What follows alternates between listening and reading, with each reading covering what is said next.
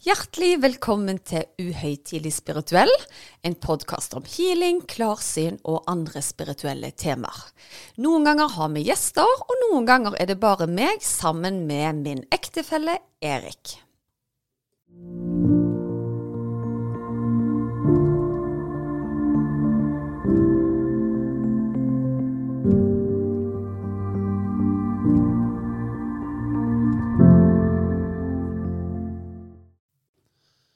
Ja Susanne. Da var det ny uke, og vi var på igjen. Det var vi altså. Jeg syns liksom det blir bare mer og mer spennende temaer å fordype seg i nå framover, altså. Så jeg gleder meg til hver gang meg og deg skal spille en podkast. Ja. Og sist så snakket vi gjerne om litt, eh, ja, jeg vet ikke jeg, spirituell tørke, eller? Ja, nå er det jo sånn at eh, jeg må som regel bli litt sånn tvungen ut av spill for å kunne fokusere innover det. Så jeg følte jo på en liten form for sånn spirituell stagnasjon. Men jeg tenker, mannen i gata vil jo si at OK, hvis du har spirituell stagnasjon, da, da har vi vel alle, eller ingen spirituelle opplevelser, da. Men jeg kjente bare at nå er det på tide at det skjer noe. Og så ble jeg da fortalt at jeg skulle lage en ny guida healing, men ingenting skjedde jo. Og så står jeg altså nede i stua, eh, var opptatt med noe annet, og plutselig så bare slår jeg av komfyren, slår av TV-en, går opp på soverommet, legger meg ned og får en helt ny kanalisering. Husker veldig lite av den kanaliseringen, men jeg har jo tatt den opp på telefonen. Og Så skal jeg spille den av for meg sjøl etterpå, og det pleier jeg ikke å gjøre, men denne gangen husker jeg så utrolig lite. Å, herlighet, så spennende. Ikke bare ble jeg tatt med i en reise inn i sånn et parallell verden med noen fantastiske sånne healing-templer, og det er helt sikkert fordi at eh, det har vært noe som har jobba i underbevisstheten min. Eh, jeg tror ikke på tilfeldigheter i det hele tatt. Men det som var så spesielt, at plutselig var det akkurat som at hele kjeven min gikk ut av ledd. Det var ikke vondt. Og akkurat som at han gikk fram og tilbake. Akkurat som det var spenninger som skulle ut av kjeven. Og jeg har aldri tenkt at jeg har vært noe anspent i, i kjeven engang.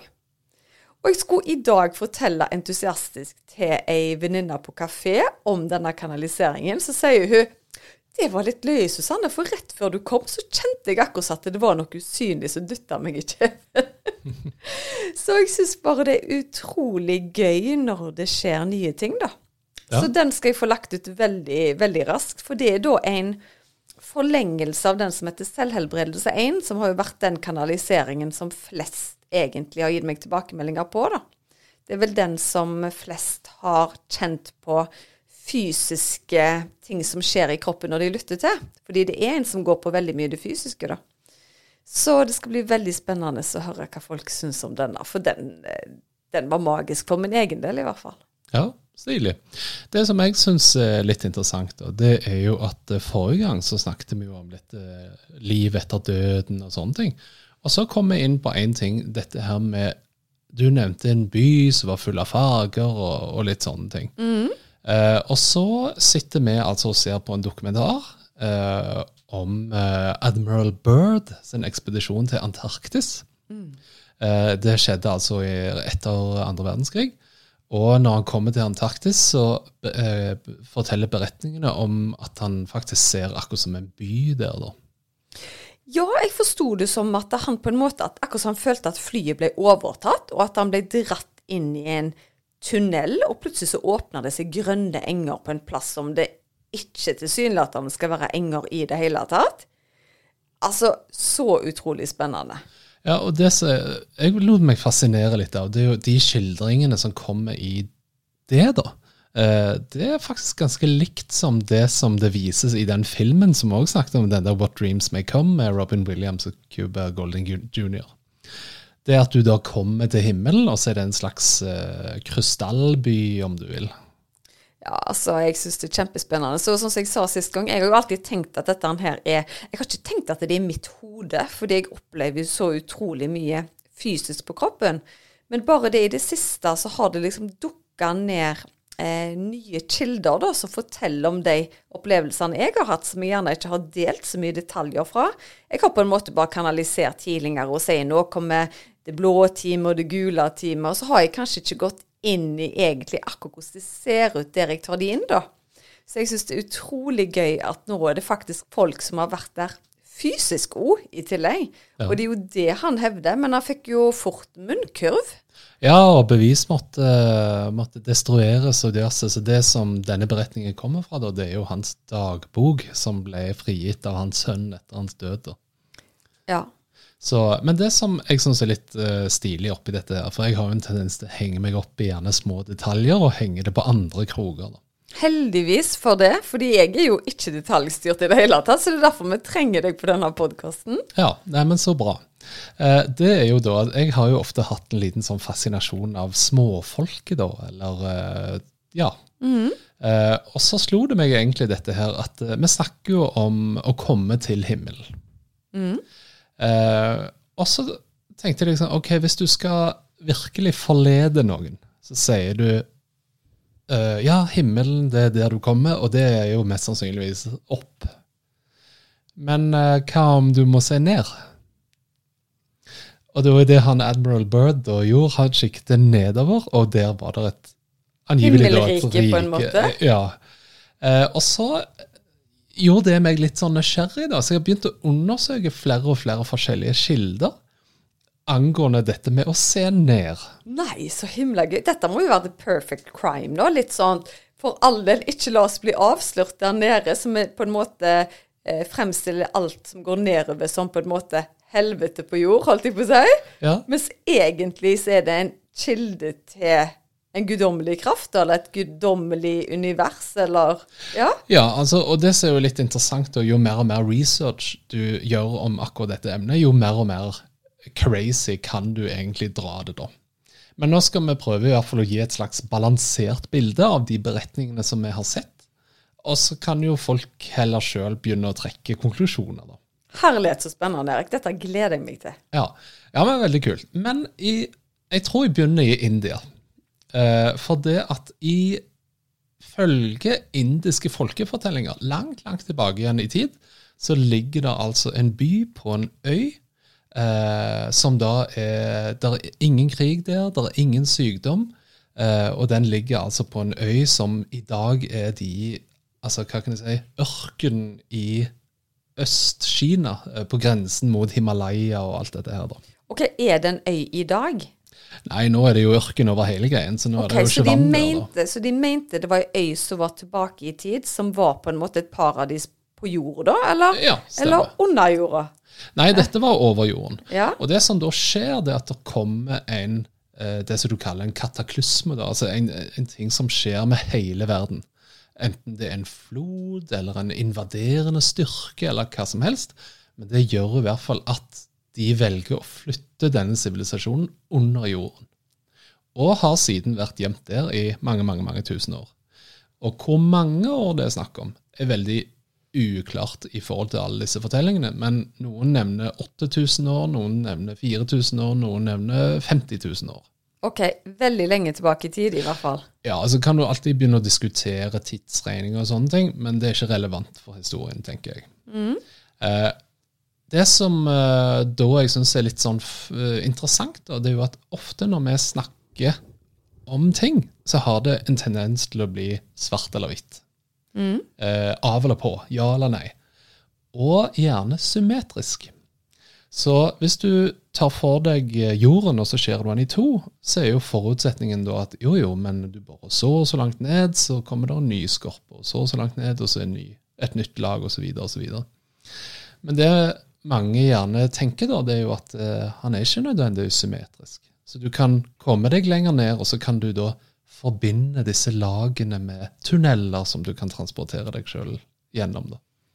Altså på en måte fra en dimensjon til en annen, da, gjennom disse tunnelene. Altså Sånn historiene er fortalt, sånn som jeg har forstått det, så er det faktisk ikke snakk om dimensjoner her. Da er det snakk om fysiske ting. Kult! Og hvis du drar denne historien litt da, eh, mot andre verdensdeler, så er det tilsvarende beretninger. Inkaer i Sør-Amerika, Navajos i Nord-Amerika, alle har beretninger om at de kom fra jorden og skapte en sivilisasjon over bakken. Og det interessante, da, eh, hvis vi drar kjapt tilbake igjen til India igjen, det er jo at de kaller dette for Agartha. Det har faktisk et navn. Og i Agartha så er det en gud med to, eh, to ekstra guder. En som vokter kunnskapens tre, om du vil, eller kunnskapen, og en som vokter alle menneskers fremtidige skjebne. Og disse er da høyt intelligente vesener som er rettferdige, osv., så Uh, og det syns jeg er litt sånn interessant. Og, og beskrivelsene er jo da selvfølgelig masse regnbuefarger og, og litt sånn forskjellig. Ja, For i hvert fall de bildene jeg har ifra på en måte en annen verden, om du vil, da, og gjennom disse kanaliseringene mine, er jo at eh, jeg pleier å forklare det som om det er en animasjonsfilm, fordi du kan ikke sammenligne det med sånne farger vi har her, på en måte. Det er akkurat som at eh, jorda er en litt dårlig kopi, da, sant, i fargesammenligning. Ja. Og akkurat som det er flere farger, men jeg kan jo ikke forklare hvordan en farge som jeg ikke vet, på en måte er, da. ja.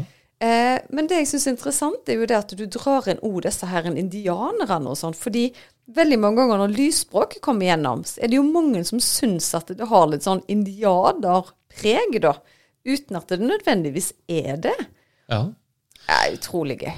Ja, og det som la, jeg lar meg fascinere av, det er at uh, du kan dra historier Altså isolerte historier kommer i en eller annen form uh, til syne relativt likt i forskjellige steder som angivelig ikke har hatt kontakt med hverandre gjennom eh, historien. da. Ja, og det var jo det som var så interessant i forrige episode med hun Cannon, som fortalte om alle disse regresjonene, at det var et mønster, da. Og det gjør det jo mer legitimt med en gang. At ok, når det er så mange som forteller samme historien, da må det jo på en måte være noe i det. Ja. Og når det på en måte dukker opp i sivilisasjoner som er så langt ifra hverandre i utgangspunktet, så, så begynner vi i hvert fall å tenke at eh, noe må det jo ligge til grunn her, da. Ja, hvis du tar den uh, storyen som er kanskje mest nærliggende til oss, det er jo eh, Adam og Eva-historien, hvor du er i Edens hage. Uh, det blir spist et eple fra kunnskapens tre, uh, og så må de forlate da denne Edens hage. Og mange av de beskrivelsene som går om Agatha, da, kan jo gjerne klinge litt tilbake igjen til Edens hage og historien om Adam og Eva. Og hvordan da? Nei, altså det er jo dette her med kunnskap, da, at det inneholder all verdens kunnskap i eh, Ja, i Edens hage er det jo da i et tre, men om det her er et bibliotek eller ei, det vites ikke. Eh, men så har du da kanskje brutt en lov, da, og så må du forlate dette her og leve på, på oppsiden. Ja. Ja, fascinerende. Og det som, eh, akkurat det med å komme til oppsiden, da, det kommer vi litt liksom fram til i mer research faktisk fra 1800-tallet. For da var det en franskmann som het Alexandre Saint-Yves, Så eh, kom i kontakt med en som kalte seg prins Sharif, eller Haji. da. Og for den tiden å være så viste han Haji seg å være veldig utdanna. Eh, han var liksom av indisk-aktig opphav, sies det. Men de studerte da sammen. Ja. Eh, og han Haji fortalte om at han var fra et sted som het Agatha, og fortalte mye om dette stedet. Eh, det som kommer fram da, i disse beretningene, er jo at du må være informasjonen verdig for å få lov til å vite mer. da. Oi, så det var ikke hvem som helst som kunne høre om det, på en måte? Nei, så han var på en måte utvalgt da, til å fortelle om dette her. Så dette var jo muntlige overleveringer som han skulle få. Så viser det seg da at han faktisk driver og skriver dagbøker om de historiene de har, eh, har eh, fortalt, eller han har fortalt. Og så, eh, så vil han utgi dette i en bok.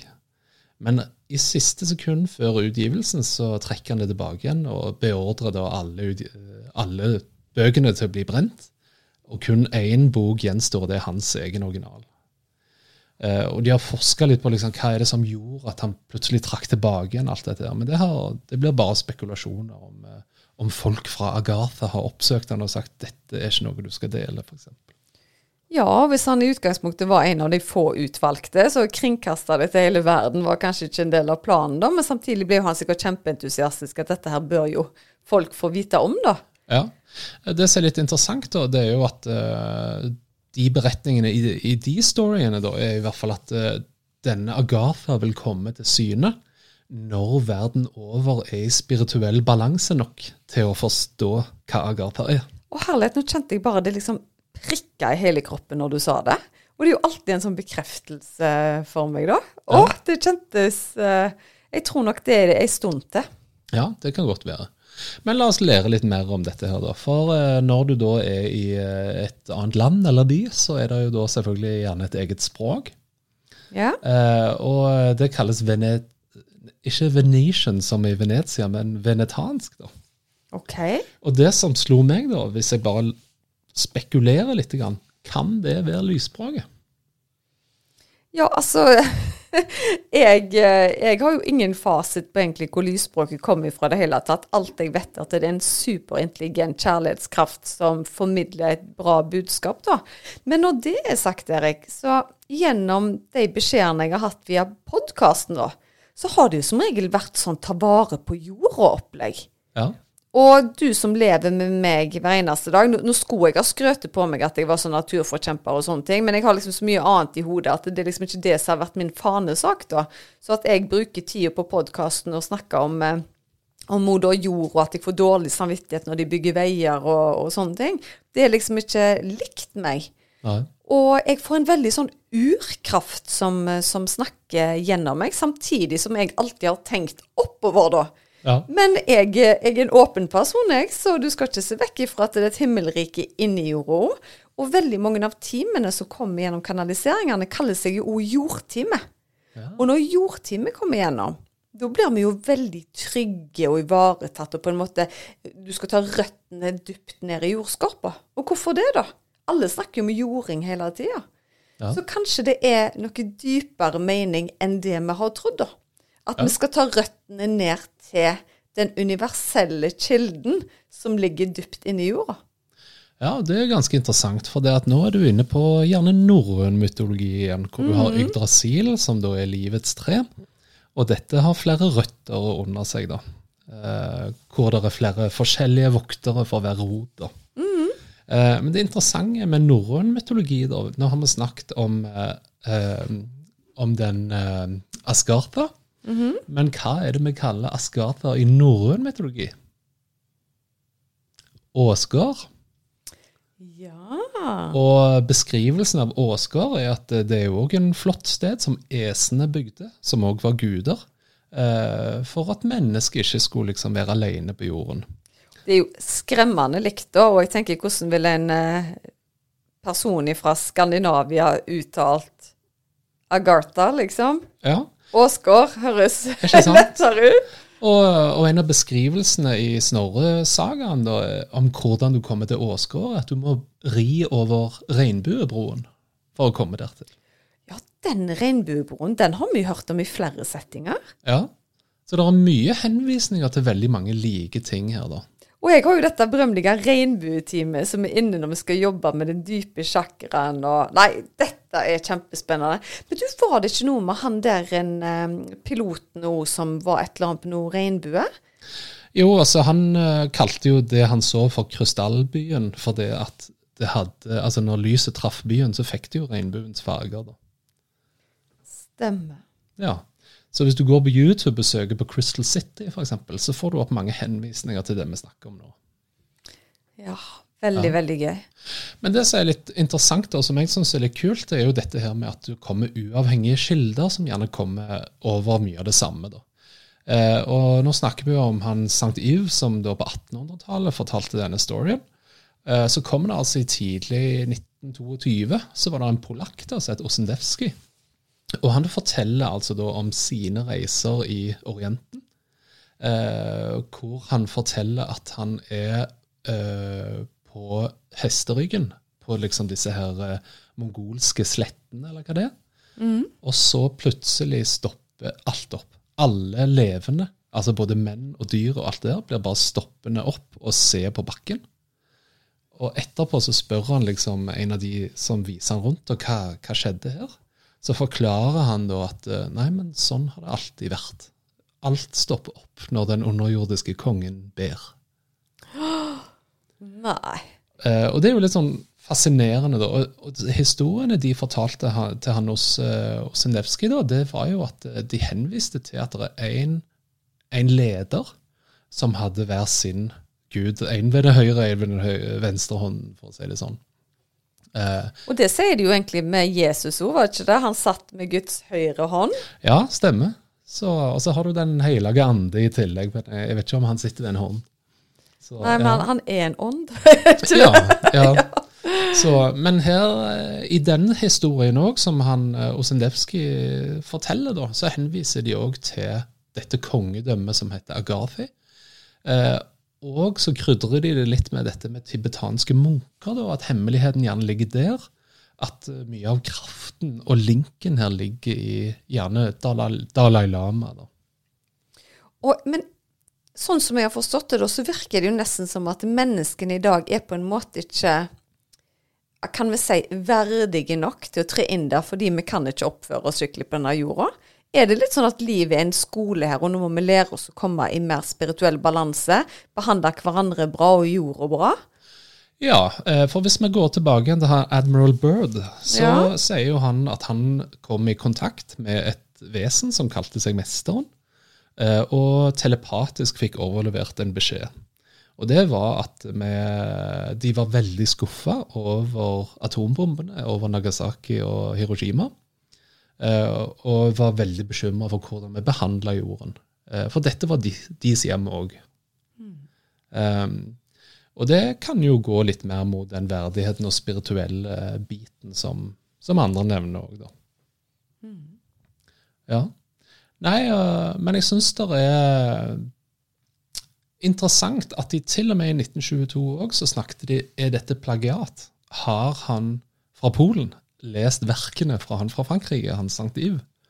Men det er allerede da eh, avkrefta de at de hadde ikke vært i verken kontakt eller hørt om hverandre. da. Det er jo utrolig spennende. Og dette hadde jeg aldri hørt om før. Hadde du? Nei, jeg syns dette var relativt nytt. Eh, og det som Jeg blir jo trigga av at det er mange kilder som gjerne forteller en uavhengig historie. Der jeg gjerne syns det er litt rart, og det er jo litt av det som du òg var inne på. Er dette et fysisk sted? Eller er det metaforer på Altså, er det en ytre mening med at det er et fysisk sted som vi kan oppsøke? Eller er det en indre mening med at du blir Agarpa? Ja. Er du med? ja. At, Og det blir jo selvfølgelig spekulasjoner, da. Men igjen, du har jo alltid hatt en sånn fascinasjon for eh, småfolk. Altså som kommer litt på besøk i, i eh, øyenkroken din, og vips, så er de vekk igjen. Og hvor kommer de ifra da, liksom? ja, ja, kanskje Sant? de òg lever under bakken. Ja, eh, eller i en par parallell verden som i hvert fall er veldig i, i jorda, da. Ja. Så ja, nei, det blir bare synsing og spekulering, fordi ingen på en måte kan jo bevise det. Men er det noe jeg i hvert fall er overbevist om, at er jo at det er noe mer enn bare oss her nede på jorda. Eh, det er det ingen tvil om for min del, altså. Ja, jeg syns òg at eh, noe rart er der. Og det er veldig rart at mange ulike sivilisasjoner skal ha li lignende eh, beretninger. Eh, og så tror jeg faktisk ikke det er oppdaget en sivilisasjon som ikke tror på noe. Nei. Og det har vi nevnt før her. eh, Demrer det for meg i sesong én? Ja, og da vil jo alltid skeptikerne si det at ja, men eh, de tror bare på ting fordi de har det veldig kjipt i livet. Altså hvis livet går på en måte rett vest, og du verken mat eller klær eller noe ting, så må du tro på noe større, at det blir bedre. Eller på den andre enden så sier de at å nei, du har det for godt, så derfor må du ha selvrealisering. Ja. Derfor må du på en måte tro på noe, fordi det, du har det så boring i livet ditt. Jeg syns jo det er veldig enkle svar, da, fordi at du gjerne har ikke tatt inn over deg det som faktisk er den universelle kjærlighetskraften som du kan fylle egentlig i alle områdene i deg, da. ja. Men hvis du da tenker ytterpunkter, da sier du ofte at eh, 10% er den ene veien, 10 er den andre veien. Men det vil jo si at det er 80% i midten som burde ha det veldig bra. Ja. Skal ikke de tro på noen ting som helst, de da? eller? Nei, nei, nei. så det er Nei, det er, det er vanskelig å, å si, altså. Ja. Men, men har, de sagt, har de gått noe dypere inn i på en måte hvordan eh, de lever inn i denne verden her? Eh, nei, ikke sånn umiddelbart. Eh, det som det stopper litt, er at det er gjort flere ekspedisjoner rundt om i Himalaya, for de har prøvd å pinpointe at det må være rundt om der åpningen er. Eh, og flere steder rundt om i verden har de faktisk oppdaget eh, store underjordiske gruvesystemer, som ofte har blitt eh, seila igjen. Eh, Men myten om Agatha, eller historien om Agatha, da, sier jo at eh, inngangen er i et nedlagt tempel i Himalaya.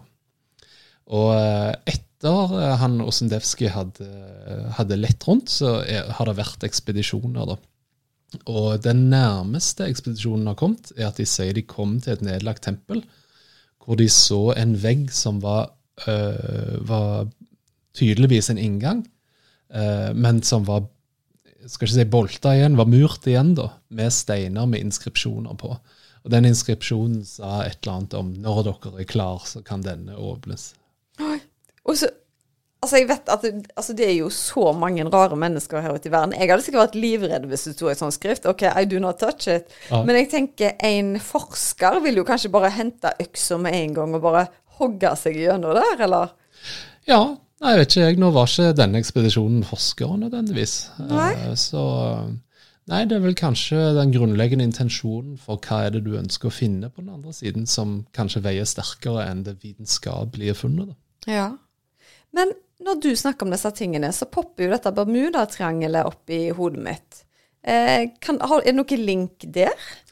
Uh, ja, det er litt interessant du sier, for det har uh, forekommet at mange mener at Bermudatriangelet er en inngang til en underjordisk by. da. Er det det, ja? Ja, Herlighet, så gøy. Jeg skjønner jo ikke hvorfor det popper opp i hodet når du snakker om disse tingene, men uh, det var noe som slo meg. Og ja. intuisjon, det har jeg jo alltid hatt. ja, det er sant det.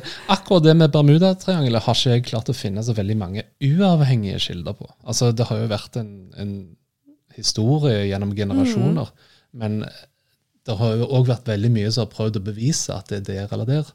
Um, så jeg har ikke egentlig gått inn for nødvendigvis å prøve å, å, å trekke to, to streker under svaret. Men det jeg legger merke til når du snakker om denne Agartha, så, heter, så får jeg akkurat som en sånn varmefølelse i hele magen. Så akkurat som jeg får en følelse av at der er det, er det varmt. Ja, Ja, altså veldig fascinerende. En sånn, en sånn tropisk eh, følelse, da. Men eh, who knows? ja, og det er jo de skildringene faktisk han eh, admiral Byrd gjør, at det var trope i Antarktis. Ja vel? Ja, Så det var jo det at det rennende vann og, og masse frodig og Ja. ja, ja, stemmer det. Ja, for det var jo en eh, skog og greier der, ja. Men det er akkurat som at eh, noe sier meg at temperaturen er veldig høy der, da. Uten at jeg vet hvorfor jeg, eh, hvorfor jeg sier det. Ja. Nei, kjempespennende, Erik. Dette her har jeg lyst til å fordype meg enda mer i sjøl, og egentlig sette meg litt inn i mer han Hva heter han Bird? Bird, ja. Mr. Bird. Ja. Kjempegøy. Ja. Nei, men jeg tenker det at ofte så er det greit å egentlig prøve å belyse og connecte dots, da. Eh, og om det kalles det ene eller det andre, eller beskrives på den ene eller andre veien, så plutselig ser du et mønster her, og du ser at da, ok, hvis ikke alt er likt, så kanskje 80 er likt. da. Og det er jo ganske utrolig at når vi begynner å snakke om religion, og det har vi jo visst lenge at det er fellesnevnere, men når du på en måte kan dra dette her, her til paralleller med kunnskapens tre, og egentlig tilbake til Tor og Odin, da, da begynner det å bli spennende, altså. Ja, og så er det liksom sånn, hva skal du tro på? Var det en inder som kom til Island og fortalte en liten historie? Altså, it doesn't make sense. Nei. Men som sagt, når det er flere områder i verden som forteller samme historien, da lytter jeg, altså. Ja. Nei, Jeg syns òg det er veldig spennende, og spesielt uh, tror jeg at det kan åpne litt eh, dører uh, inn mot uh, indianere og, og sånn i både Amerika, og, forstå de bedre. Jeg skal ha, dette her har jeg lært noe av nå i mine kanaliseringer og guidede meditasjoner. Nå skal jeg være open-minded for å hente mer kraft fra jorda. Og jeg har alltid gjort det som en jording, men gjerne kilden er mye nærmere meg enn det jeg tror, da. Sant? Ja. Ja, jeg tror eh, hvis jeg skal spille videre på det og komme med visdomsord fra økonomen, Ja. så tror jeg at eh, sannheten er nok nærmere enn du tror. Så eh, jeg ville heller sett ned enn opp. Og det er jo the perfect crime. Be folk om å springe til høyre hvis du er til venstre, liksom. Ja, Ja. Kjempebra. Yes, ok. Eh, da håper vi at dette var en interessant eh, Connect the Dots-episode. Ja, jeg syns denne var litt utenom meg, Erik. Og jeg syns det er gøy å belyse litt eh, andre temaer òg. Ja. Så dette var eh, ja, et steg i retningen av uh, denne Undring. mosaikken og undring og ja, plante et frø. Kjempebra. Legg veldig gjerne en kommentar på Instagram eller under podkasten om hva dere syns. Det setter vi veldig stor pris på. Ja, og med det så takker vi for i dag. Tusen takk for at du hørte på. Tusen takk. Ha det bra. Ha det, ha det.